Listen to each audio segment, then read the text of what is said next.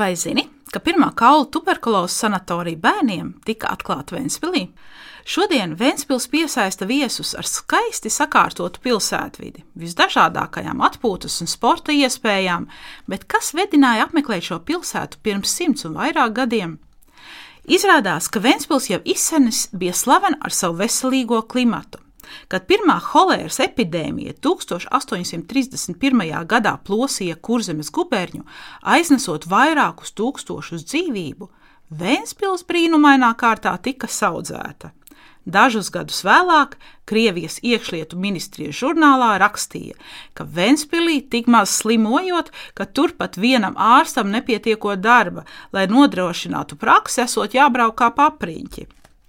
Ievērojamais Vēnspils ārsts Īzaks Feitelbergs 19. gadsimta beigās savā doktora disertācijā rakstīja, ka klimats šai pusē patiesi ir gaužām veselīgs. Mirstība ir zema, un Vēnspilnieka vidējais mūža ilgums 32,2 gadi pārsniedz valsts iedzīvotāju caurmēra mūža ilgumu.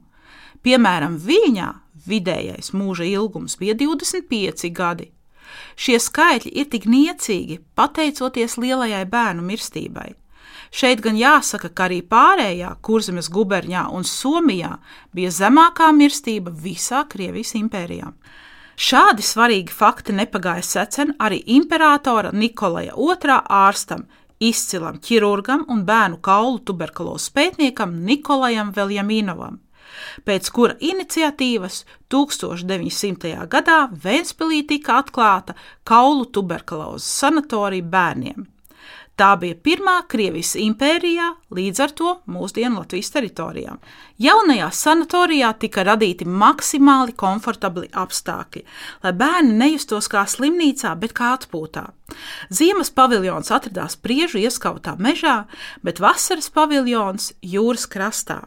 Sanatorija bija aprīkota ar jaunāko medicīnas aprīkojumu, kurš tika vests no Pēterburgas. Arī sanatorijas pacienti lielākoties nāca no impērijas galvaspilsētas, un ne jau no tām trūcīgākajām ģimenēm.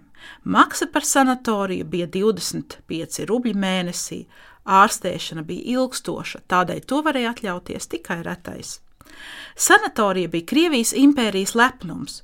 To kvalifikācijas celšanas nolūkā apmeklēja daudzi topošie un jau esošie ārsti. Kā 20. gadsimta beigās savos pētījumos par Vēncpils sanatorijas ārstniecības rezultātiem secināja Latvijas Universitātes medicīnas vēstures profesors Ārnis Vīksna, labvēlīgi ārstniecības rezultāti sanatorijā bija 81,5% gadījumu. Diemžēl sanatorijas mūžs bija īss. Tās darbību pārtrauca Pirmais pasaules karš.